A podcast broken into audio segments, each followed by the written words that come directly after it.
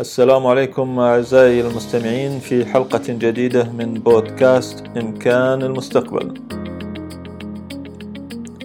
في هذه الحلقة سوف نتحدث عن عدد من المواضيع التي تهم العاملين في مجال المستقبليات والاستراتيجية واستشراف المستقبل سواء في القطاعين العام والخاص حول أفضل الممارسات التي يمكن اتباعها لتطبيق استشراف المستقبل وبرامجه في المؤسسة وما هي النصائح التي يمكننا من خلالها البدء في برامج استشراف المستقبل كممارسة جديدة في المؤسسة؟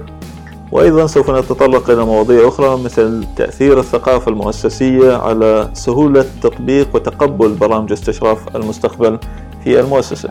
كل ذلك والمزيد من خلال حوارنا الشيق مع ضيف اليوم خبير استشراف المستقبل والاستراتيجية أنطونيو ألفارينغا حيث سأقوم بعرض أبرز الأفكار والنصائح التي تم ذكرها خلال المقابلة والتي تمت باللغة الإنجليزية من خلال البودكاست اليوم في اللغة العربية. أما إذا أحببتم الاطلاع على المقابلة كاملة فيمكنكم مشاهدتها على قناة اليوتيوب إمكان فيوتشرز. Thank you very much for having me. Um, Modafar, thank you very much. It's a real honor to be here and to participate and try to share a little bit my experience and in, in foresight and scenarios.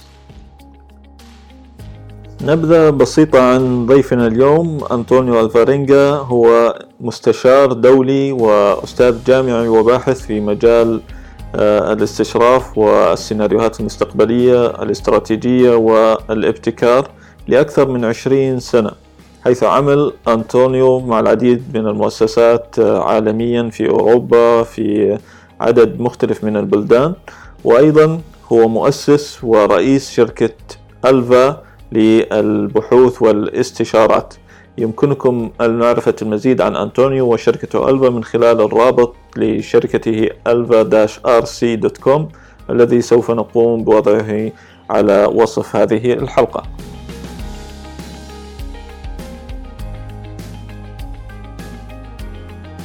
في بداية المقابلة قمت بسؤال أنطونيو عن ما هي أفضل الممارسات التي يمكننا اتباعها لتطبيق استشراف المستقبل في المؤسسة أو في الشركة التي نعمل بها. حيث أجابني بأولا أنه يجب علينا تحضير التحدي أي أن يكون لدينا موضوع واضح نريد دراسته والذي بالطبع هذا الموضوع يعتمد على طبيعة المؤسسة والبيئة التي تعمل بها. They mostly have three or four parts that are common. Uh, first part of preparation, definition of the of uh, of the problem, of the question, of the focal issue. ثم يجب علينا التعرف على إشارات التغيير والتوجهات المستقبلية future trends التي تؤثر أو سوف تؤثر علينا في المستقبل. ومن ثم ننتقل بعد تعرفنا على هذه التوجهات المستقبلية إلى التخطيط بالسيناريوهات كأحد الطرق لتنظيم هذه المعلومات أي يجب علينا تحليل المعلومات التي حل التي جمعناها في الخطوة السابقة وعمل تخطيط كيف يمكننا التعامل مع هذه السينار مع هذه التوجهات؟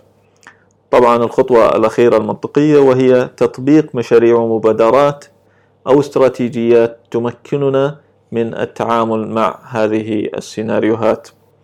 هذه الأربع خطوات من المهم أن نتذكر أنه يتم تصميم عملية استشراف المستقبلي بناء على بيئة عمل المؤسسة والتحديات التي تواجهها.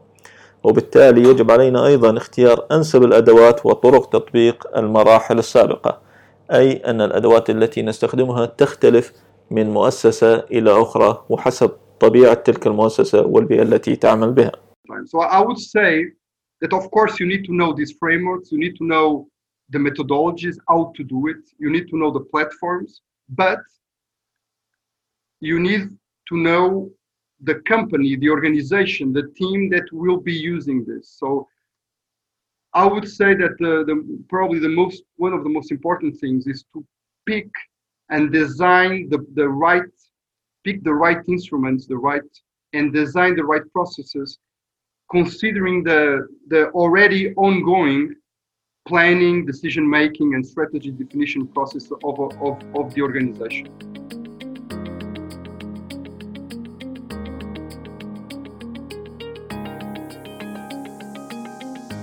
وأيضا يجب علينا التركيز على بناء ثقافة التفكير المستقبلي من خلال تطبيق عمليات استشراف المختلفة وإشراك وتمكين أكبر عدد من المعنيين في هذه العمليات والفعاليات الخاصة باستشراف المستقبل والعمل على إبراز الفائدة من هذه العمليات والفعاليات.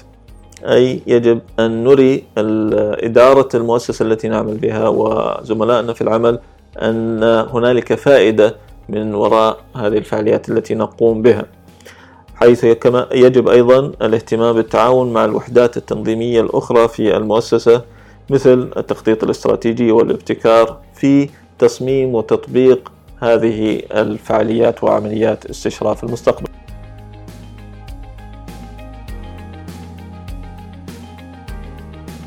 أما عند سؤالي لأنطونيو عن نصيحته للمؤسسات التي تود البدء في تطبيق برامج استشراف المستقبل آه، كبرنامج جديد. أي ليس لديهم أي خبرة سابقة في هذا المجال.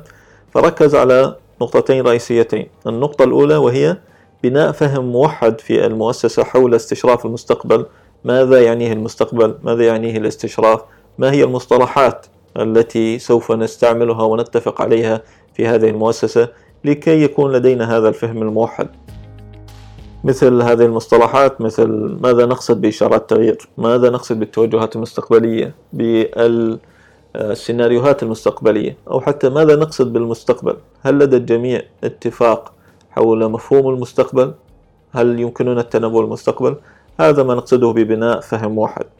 أما الخطوة الثانية المهمة فهي بناء القدرات الداخلية في المؤسسة أو الشركة لدى الموظفين من خلال التدريب وبناء فرق داخلية للعمل على مشاريع استشراف المستقبل. مع التركيز أن تكون هذه الفرق تشمل جميع أو الوحدات التنظيمية المعنية في استشراف المستقبل حتى يكون هنالك تقبل لهذه المشاريع وتكون ذات فائدة للمؤسسة.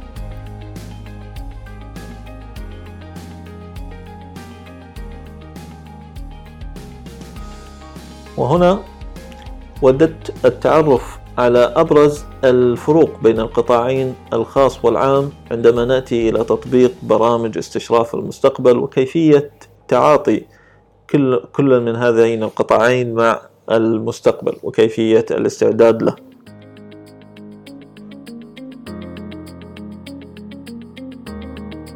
حيث قال أنطونيو أن الاختلاف الناشئ بين القطاعين العام والخاص ويعود بالضرورة إلى اختلاف التحديات التي تواجهها كل مؤسسة في أي من القطاعين. في العادة أن القطاع الخاص يركز أكثر على نطاق زمني أضيق نتيجة التزامات الشركة للمستثمرين آه، وضرورة إظهار نتائج إيجابية فيما يتعلق بالربحية وال market share أو نسبة الاستحواذ على السوق وغيرها من المؤشرات المتعلقة بالربحية.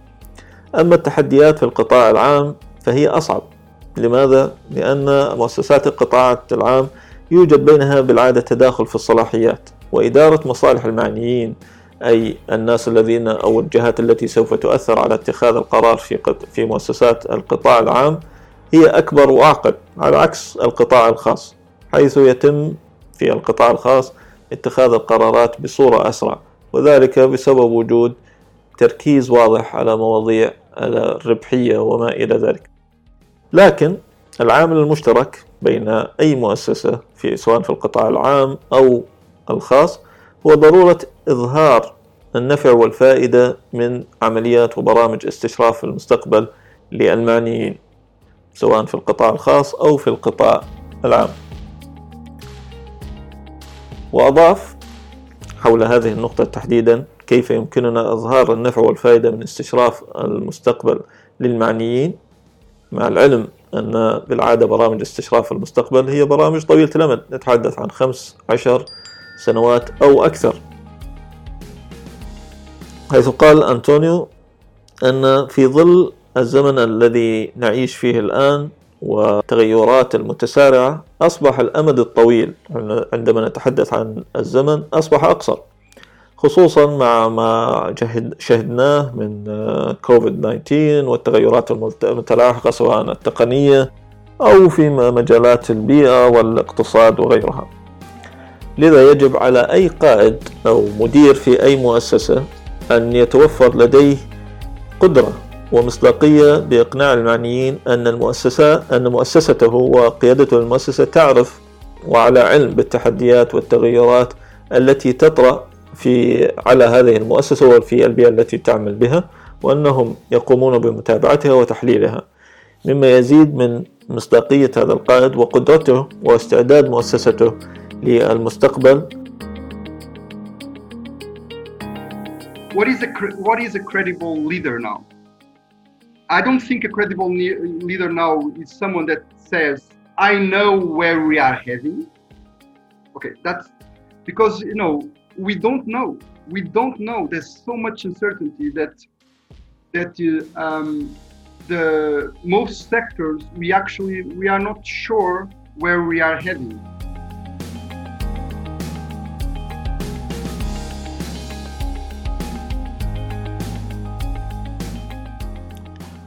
أي أن القائد الذي يتمتع بالمصداقية هو القائد الذي يقول بأننا نعرف التغيرات والتحديات التي نواجهها والتي سوف نواجهها في المستقبل.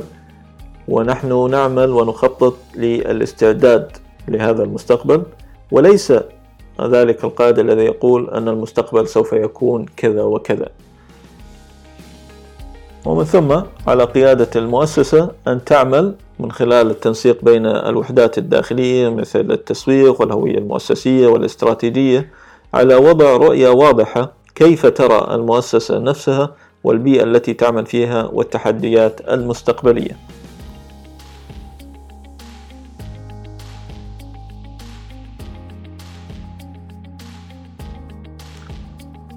وكما تعلمون أعزائي المستمعين فقد تحدثنا في حلقات سابقة عن موضوع عدم اليقين أو الانسرتينتي وكيف أهمية هذا المصطلح في عندما نقوم بدراسة آه، المستقبل وتطبيق برامج استشراف المستقبل. فعدم اليقين هو صفة رئيسية للمستقبل والهدف من عمليات استشراف المستقبل ليس تقليل عملية عدم اليقين أو القيام بتنبؤ المستقبل ولكن هو التعرف على التغيرات والتوجهات أو الانسرتينتيز عدم اليقين وكيفية أو إمكانية تطورها في المستقبل والتخطيط والعمل لكي نكون مستعدين لذلك المستقبل. ومن هنا تأتي أهمية تغيير اللغة التي نستعملها في مؤسساتنا عند الحديث عن المستقبل وخصوصا ما يتعلق بعدم اليقين وتقبله. وعند سؤالي لضيفنا حول هذه النقطة بالذات أي موضوع عدم اليقين وعلاقته باستشراف المستقبل وكيفية التعاطي معه. أجاب بأنه يجب علينا بناء عمليات وبرامج داخلية في المؤسسة تشجعنا على استخدام وإيصال رؤية موحدة للمستقبل ومستقبل المفضل نعني وتقبل أن المستقبل لا يمكننا التنبؤ به.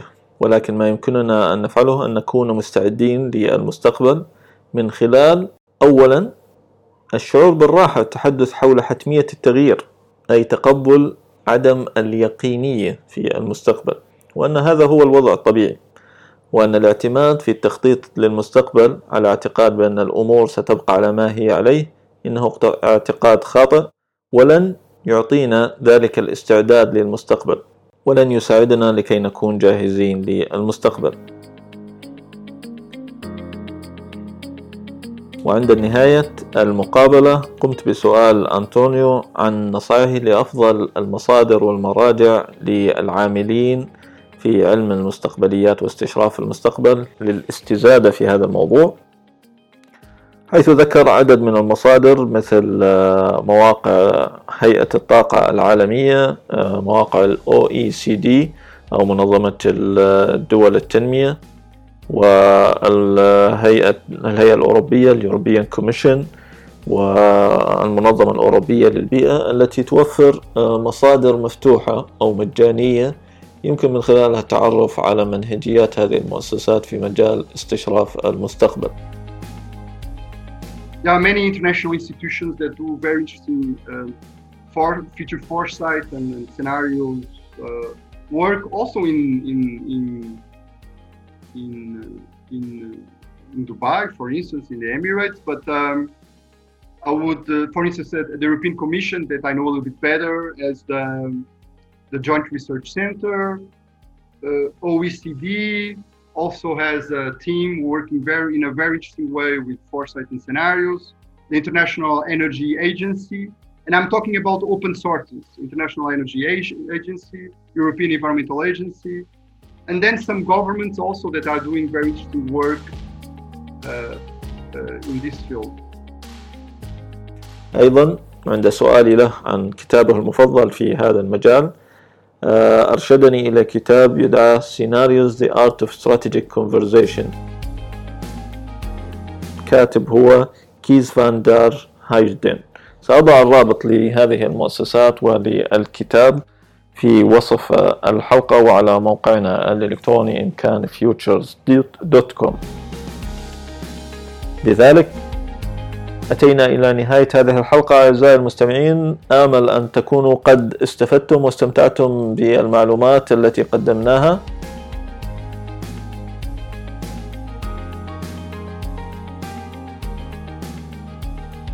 تابعونا في حلقاتنا القادمة والمزيد من المقابلات والمعلومات المفيدة من خلال بودكاست إمكان المستقبل. دمتم بخير.